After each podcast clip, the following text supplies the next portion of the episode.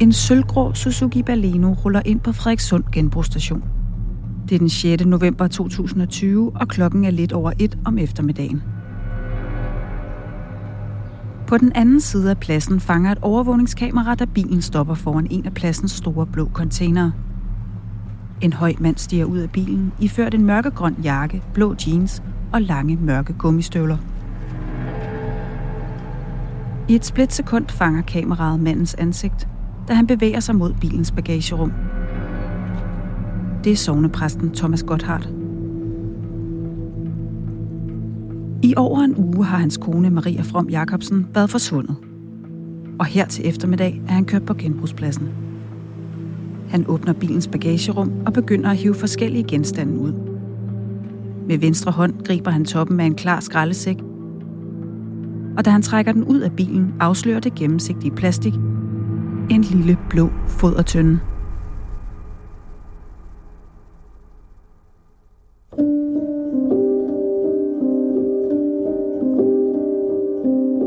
Jeg sagde en joke en dag, tænk hvis det er ham, der har gjort det. Ej, han er jo præst, slog vi det over i, ikke? Altså. Han virkede jo ikke på mig som sådan en person, som øh, øh, kunne være en morder. Du lytter til tredje afsnit af Præsten fra Helvede. Mit navn er Camilla Marie Nielsen, og i den her episode dykker jeg sammen med Christina Ehrenschøl og Mette Pedersen ned i Maria From Jacobsens fortid og hendes år sammen med Thomas Gotthardt. Hvem var Maria From Jacobsen? Hvad var hun for et menneske? Og hvad er det for nogle drømme, som er blevet taget fra hende? Det er nogle spørgsmål, vi forsøger at besvare, også fordi, at det giver os læseren en større relation til det her menneske, vi skriver om. Og det handler også om i vores dækning at holde Maria fra Jacobsen frisk i vores læsers hukommelse, netop fordi hun stadigvæk er forsvundet. I forsøget på at lære parets fortid bedre at kende, taler Christina og Mette blandt andet med Marias familie, der efter hendes forsvinden sidder tilbage med flere spørgsmål end svar. Er der nogle faretegn, vi har overset, eller nogle puslespilsbrikker, der gør, at, at det her det giver mening, eller sådan noget? Det er noget, der stod på længe, eller, eller det er kommet spontant? Jeg synes, det er svært at få de her brikker til at passe sammen. Mens billedet af Maria bliver tydeligere, bliver drabsagens slørede detaljer endnu mørkere. For i starten af 2021 udsender politiet nye efterlysninger med billeder af Thomas Gotthardt. På et af billederne kan man se ham være i gang med at tage en lille blå tønde ud af bagagerummet på sin bil. Han er på en genbrugsstation, og ifølge politiet så er det kun halvanden uge efter, at hans kone er forsvundet. Han smider også en sækkevogn ud, og det synes vi jo virker ret mistænkeligt. Har han skulle transportere noget tungt? Den første efterlysning, hvor de sender billeder ud af en lille blå tynde sækkevognen, får os jo allerede til at tænke de her tanker omkring, om han har, hvad det han har ryddet op efter. Men da de så sender et billede ud af den store blå tynde, så er vores første tanke, at der kan ligge et menneske i. Efter billederne fra genbrugsstationen deler politiet endnu en efterlysning. Nu leder de pludselig efter en meget større tønde. Og det interessante er jo også, at den store blå tønde er jo forsvundet. Præcis ligesom Maria fra Jacobsen.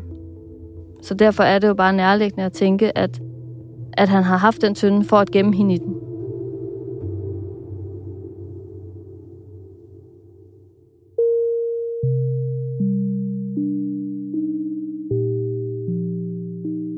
Mellem jul og nytår 2020 afslører Nordsjællands politi, at de arbejder ud fra en teori om, at der har været flere gerningssteder.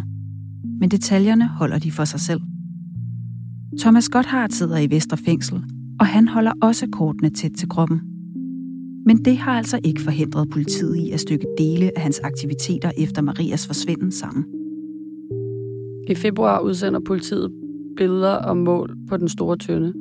Den er 90 cm høj 55 cm i diameter, og så er den lukket til med sådan et gråt låg og en hængelås. Og så kan den rumme 208 liter. Vi begynder at interessere os utrolig meget for den blå tynde. Vi vil gerne vide, hvornår han har købt den, og vi vil også gerne vide, hvor han har købt den.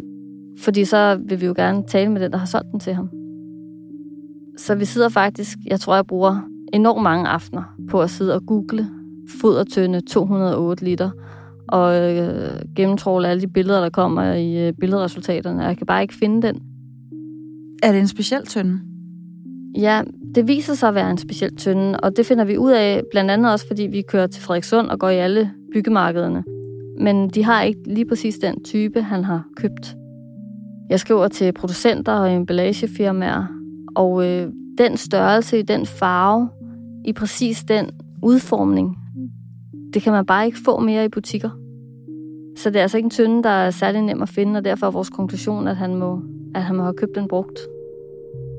Og det finder vi jo så også ud af senere, at, at han netop har fundet den på den blå avis.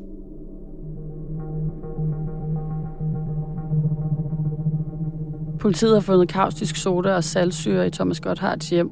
Altså derudover så ved vi jo, at han har foretaget nogle søgninger på internettet af havdybde, selvmord, olietønder osv. Når vi lægger de ting sammen med, at politiet også interesserer sig for nogle blå fodertønder, så øh, tror vi mindre og mindre på, at øh, han har brugt de der ætsende kemikalier til at gøre rent. Vi får vores egen teori om, at han øh, eventuelt har brugt øh, kemikalierne til at, at opløse sin kones liv. Og vi forsøger selvfølgelig også at spørge politiet, om det er en, en af deres teorier, men de siger ingenting. Og så interviewer vi også en retsmediciner, fordi vi taler også om, man ser det måske i film og så videre, men man kan det lade sig gøre. Han forklarer så, at både kausitoda og saltsyre er stærkt ætsende. Men hvis du blander dem sammen, så bliver de øh, til saltvand. Så udligner de simpelthen hinandens effekt, og derfor sker der ikke noget. Og så siger han også, at det er noget, der tager ret lang tid at gøre. Det er ikke noget, du bare lige gør. Men Thomas Gotthard havde jo også tre uger, før han blev anholdt.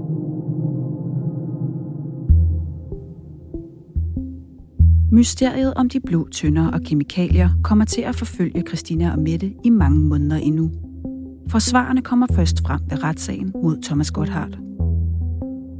Og selvom tønderne kan give en indikation af, hvordan Maria From Jacobsen forsvandt, så er der stadig et centralt spørgsmål, der trænger sig på. Hvorfor skulle den 43-årige psykolog, mor til to og Thomas Gotthards egen kone forsvinde?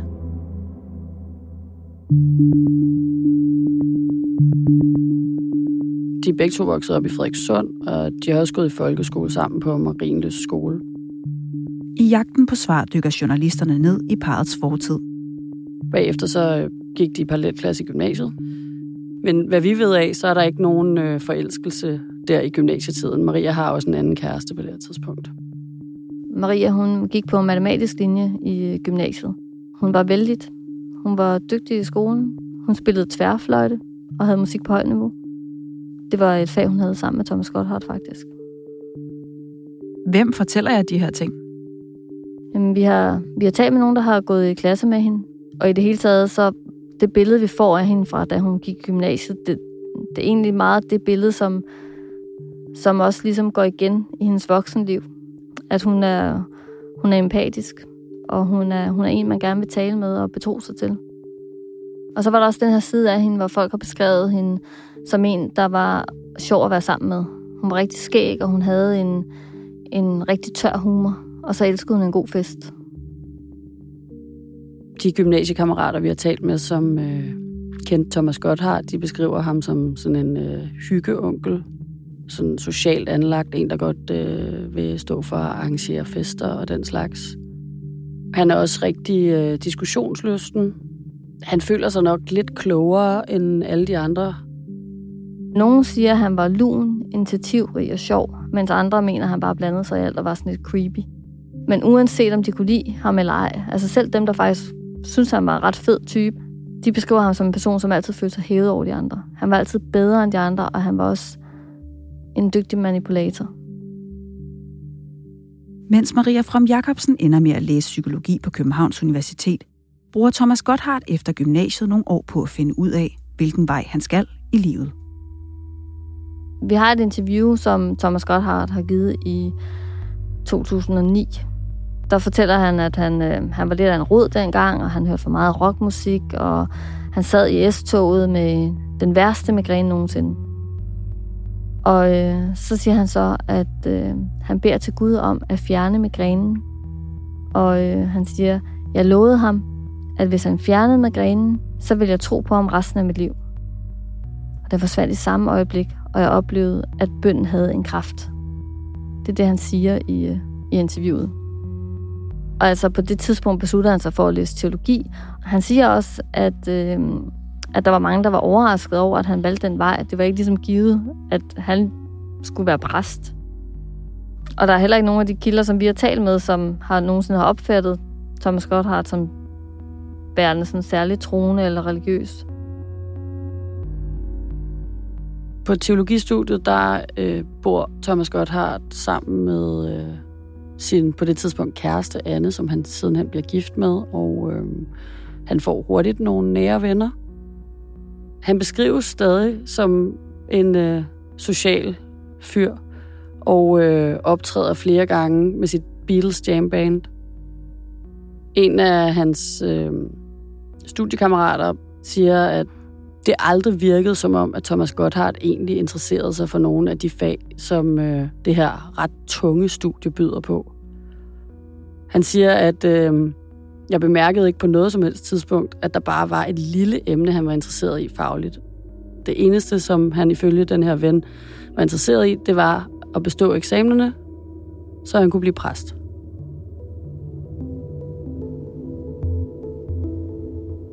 Det lykkedes Thomas Gotthardt at bestå sine eksamener. I 2008 aflægger han præsteløftet og bliver ordineret som præst. Samme sommer flytter han sammen med sin daværende kone ind i Skiby Præstegård.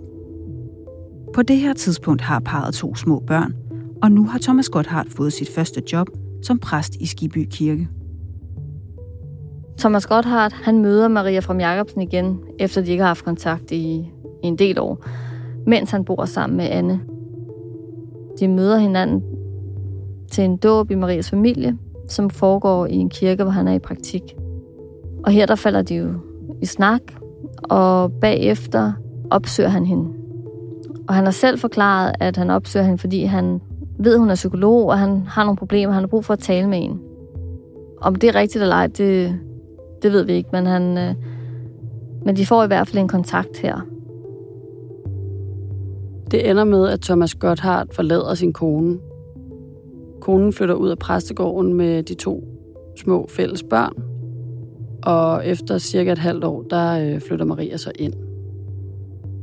Maria giver efterfølgende indtryk af over for sine venner, at hun øh, i den periode har det svært med at være den kvinde, der indirekte har været skyld i, at en familie er gået i opløsning. Samtidig så vil hun gerne selv have en familie. Hun vil også rigtig gerne være en god bonusmor for de børn, som Thomas Gotthard har i forvejen.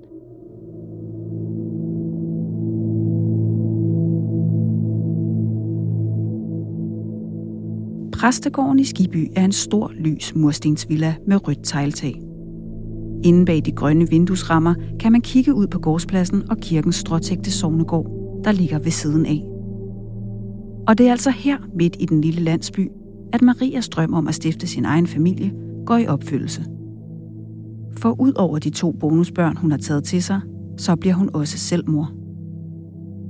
I 2012 siger Thomas Gotthard sit job i Skiby Kirke op, og i sensommeren skifter de præstegården ud med det hvide enderækkehus på Njælsvej i Frederikssund.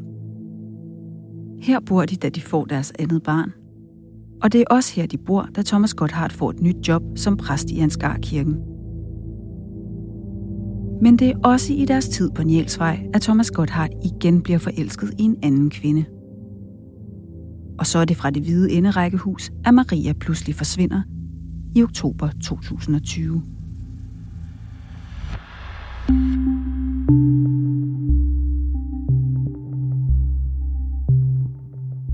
Altså, jeg kan jo godt se, at han har holdt lidt øje med, hvor, hvor jeg befandt mig hen øh, i de dage lige efter. Det kan jeg godt se.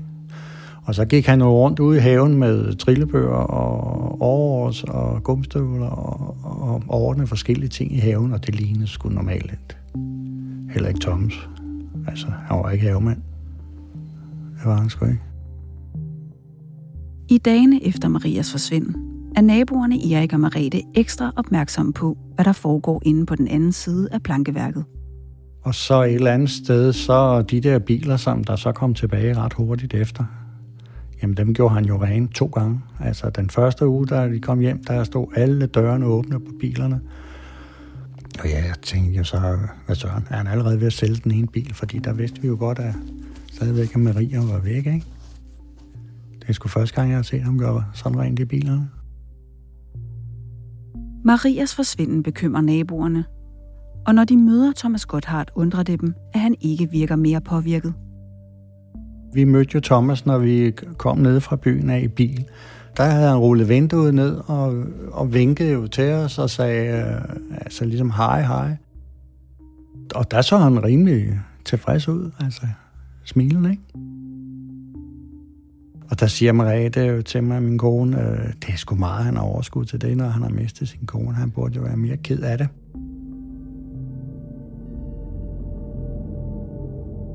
Sognepræsten gør alt, hvad han kan for at føre sin omgivelser bag lyset. Og selvom hans adfærd undrer Erik og Marete, så falder det dem ikke ind, at deres nabo kan have noget at gøre med Marias forsvinden. Tænker man over, at han skal have tiden til at gå og få løst tankerne, ikke? komme lidt væk fra det. Ikke? Altså, men naboerne på Villavejen er langt fra de eneste, der undrer sig. Altså det er klart, at vi har en frygtelig masse spørgsmål, mm. øh, eller frustration, undren. Maria From Jacobsens familie kan heller ikke få tingene til at passe sammen. Er der nogle faretegn, vi har overset, eller, eller er der noget, der... Nogle puslespilsbrikker, der gør, at, at det her det giver mening, eller sådan noget. Det er noget, der stod på længe, eller, eller det er kommet spontant, eller sådan noget. Og det, mm jeg synes, det er svært at få de her brækker til at passe sammen, og det tror jeg, vi er mange, der, der gør. Ret tidligt i sagen, efter at Thomas Gotthard er blevet anholdt, rækker vi faktisk ud til medlemmer af familien. Det kan måske godt virke sådan lidt grænseoverskridende, men vi har det mantra på kriminalredaktionen, at vi giver folk tilbuddet om at, øh, at fortælle om det menneske, de har mistet, men vi respekterer også altid nej.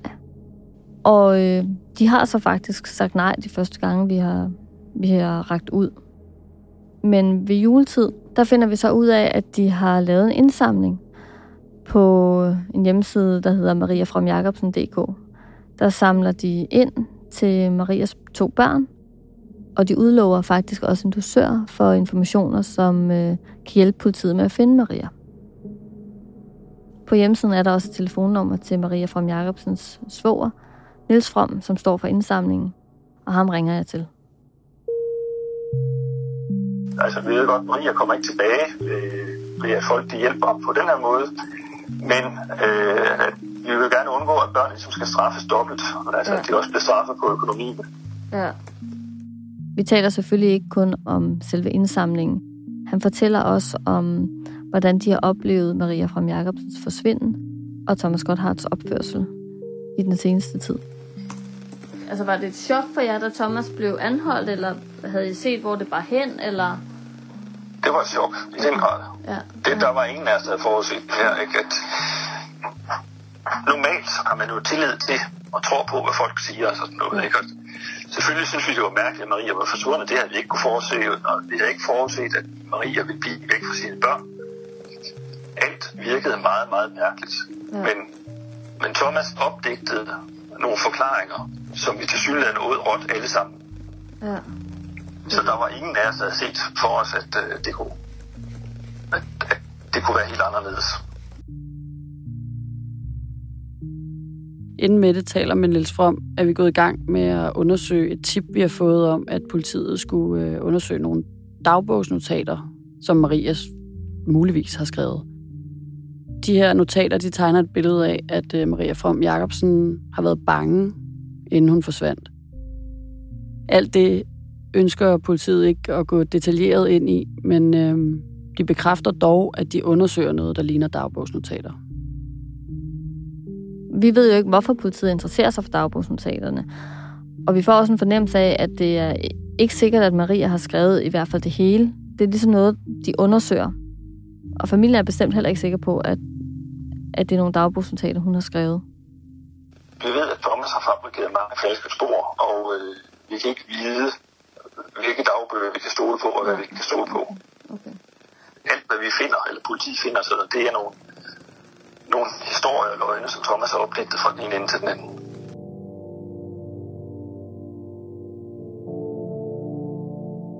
Marias forsvinden har efterladt både politiet og hendes familie med tusindvis af spørgsmål. De føler sig sikre på, at præsten har ført dem bag lyset, at han er ansvarlig for hele den gåde, de befinder sig i. Men for politiet mangler den vigtigste brik stadig. Og for Marias familie mangler en mor, datter, søster og svigerinde. Har I opgivet at få Maria hjem i live? Det er næppe sandsynligt. Ja. Det, det er helt sikkert. Altså det, det tror jeg, at de fleste af os øh, tænker, at det, det er der, det er. Ja. ja. Selvfølgelig siger politiet, det skal de jo gøre, at, at de kan jo ikke afvise, mm. at det er en mulighed. Men den er næppe særlig stor. Mm.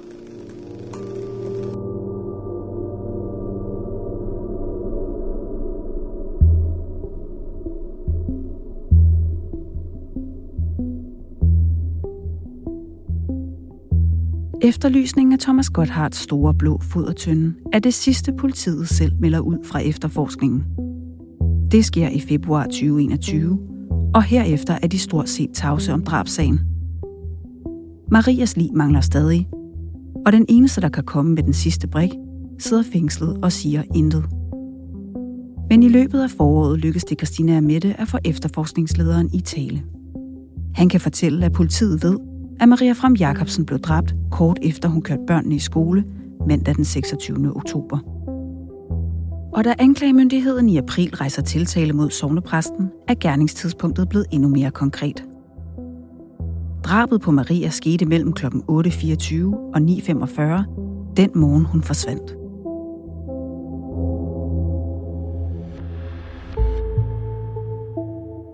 Vi er lidt overrasket over anklageskriftet det kommer ret hurtigt i forhold til, øh, hvor kort tid der trods alt er gået, siden at Maria From Jacobsen forsvandt. Derudover så er det meget, meget kort og stort set uden detaljer. I virkeligheden så giver det anledning til flere spørgsmål end svar, for os i hvert fald. Det kan godt være, at gerningstidspunktet er blevet mere konkretiseret, men det er så også det eneste, fordi øhm, politiet har til synligheden ikke nogen anelse om, hvor drabet har fundet sted, og øh, anklageskriftet giver ikke indtryk af, at de ved, hvordan det er foregået. Det interessante er jo så, at man vælger at rejse tiltale, når man til synligheden har så mange ubekendte. Det overrasker i hvert fald os. Men det, at der kommer et anklageskrift, siger os også, at politiet må jo mene, at de har en stærk sag.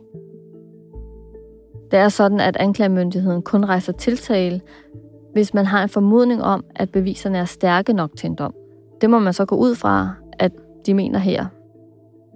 Vi prøver selvfølgelig at få politiet til at uddybe, hvad det er, de mener, der er sket. Og de vil overhovedet ikke sige noget, men øh, anklageren hun vil godt lige løfte sløret for en del af anklageskriftet, som handler om, at man også vil fratage Thomas Gotthard retten til at arve sin kone. For som hun siger, så skal det ikke kunne betale sig at slå sin egen kone ihjel.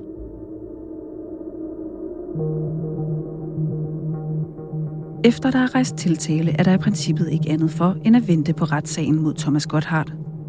Den bliver berammet til at køre over 16 dage i oktober 2021 i retten i Hillerød. På det her tidspunkt nægter Thomas Gotthard sig stadig skyldig. Der er heller ikke noget, der tyder på, at vi får noget afgørende at vide om, hvad der er sket med Maria From Jacobsen før om lang tid.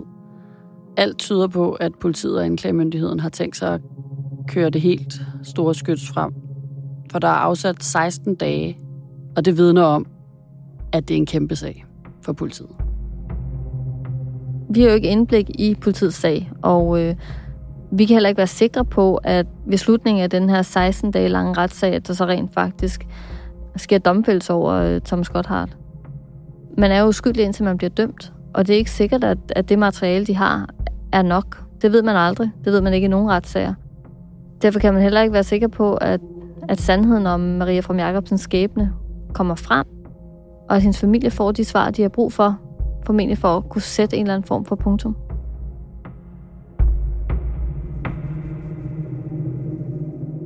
I de næste mange uger ligger sagen stille på kriminalredaktionen. Men den 4. juni, godt to måneder efter, at der er rejst tiltale, tager sagen en afgørende drejning. Har fået et tip om, at man har fundet Maria From i Sundby Lille aner ikke, om det er noget på sig. Om morgenen kort før klokken 6 tækker der en mail ind i Kriminalredaktionens indbakke. I emnefeltet står der måske tip. Vi går jo så fra at have troet, at der vil gå lang tid, før vi skulle beskæftige os med den her sag igen, til at nu er det altså nu. Jeg vil at gøre min søn klar til vuggestue om morgenen, da, da Christina så ringer. Hun har til synligheden ringet før. Så har hun sådan lidt tjekket din mail. Og så er det som om, at øh, vi begge to kommer op i gear. Hun har allerede sendt vores fotograf Anton Unger afsted til Sundby Lille. Og vi bliver så enige om, at selvom vi jo ikke ved, om noget af det er rigtigt, så, øh, så kører jeg afsted.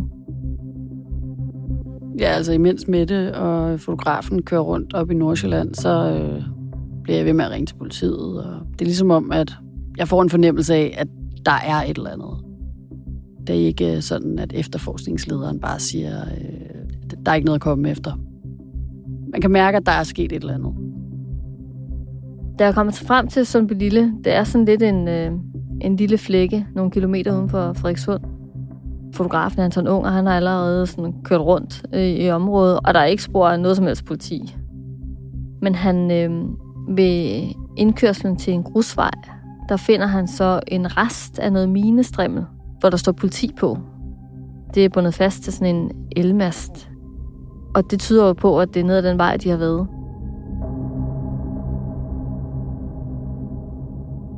Når man kører ned ad grusvejen, så er der en viadukt måske 100 meter nede. Da den i sin tid blev lavet, så skulle det have været en jernbaneoverskæring, men det blev aldrig til noget. Så den er bare tilgroet, og så er der marker omkring, og lidt længere væk er der nogle vådområder, og der er i hvert fald nogle 100 meter til de nærmeste huse. Og øh, det er tydeligt her, at der har holdt en masse biler. Der er øh, spor i, i marken, og så taler vi også med nogle naboer, så finder vi så ud af, at det, det er simpelthen her, politiet har været. Men de er her ikke mere. Men de har været her i går, og de har været her i mange timer.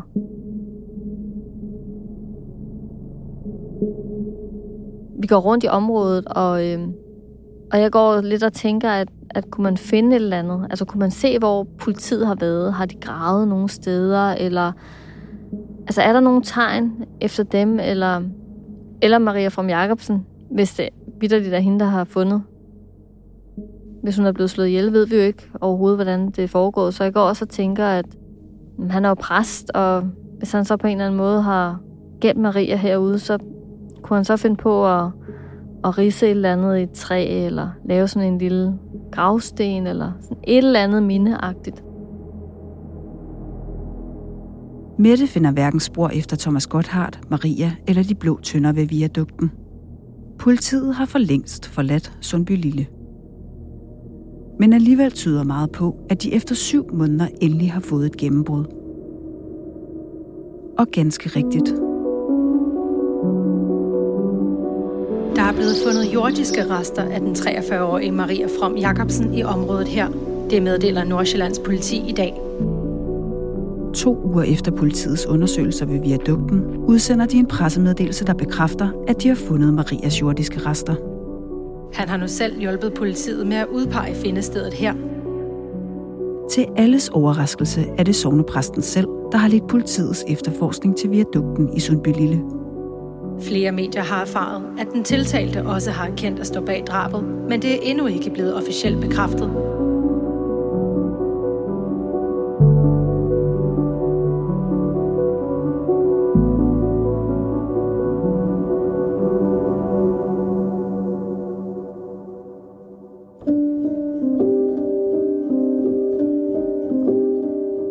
Du har lyttet til tredje afsnit af Præsten fra Helvede. I næste og sidste afsnit skal du høre om retssagen mod Thomas Gotthard. For det er her i en retssal i Hillerød, at sagens grofulde detaljer for første gang kommer frem i lyset. Han havde faktisk researchet, øh, inden han havde lavet to-do-lister, som han selv kaldte det. Det var nærmest blevet en hobby, hvordan han skulle slå hende ihjel først, og bagefter få hendes krop til at forsvinde. Udover sovnepræstens bestræbelser på at skaffe sin kone af vejen, får offentligheden om sider Thomas Gotthards egen forklaring på, hvorfor Maria skulle forsvinde. Han var præst. Han havde forelsket sig i en anden kvinde. Og han orkede ikke at blive skilt for anden gang.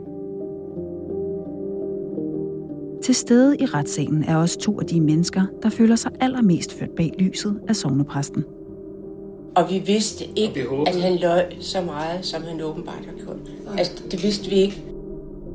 I sidste afsnit skal du høre fra Maria From Jacobsens forældre. Det er, det er ham, der stod vores datter ihjel på den mest bestialske måde, man kan forestille sig.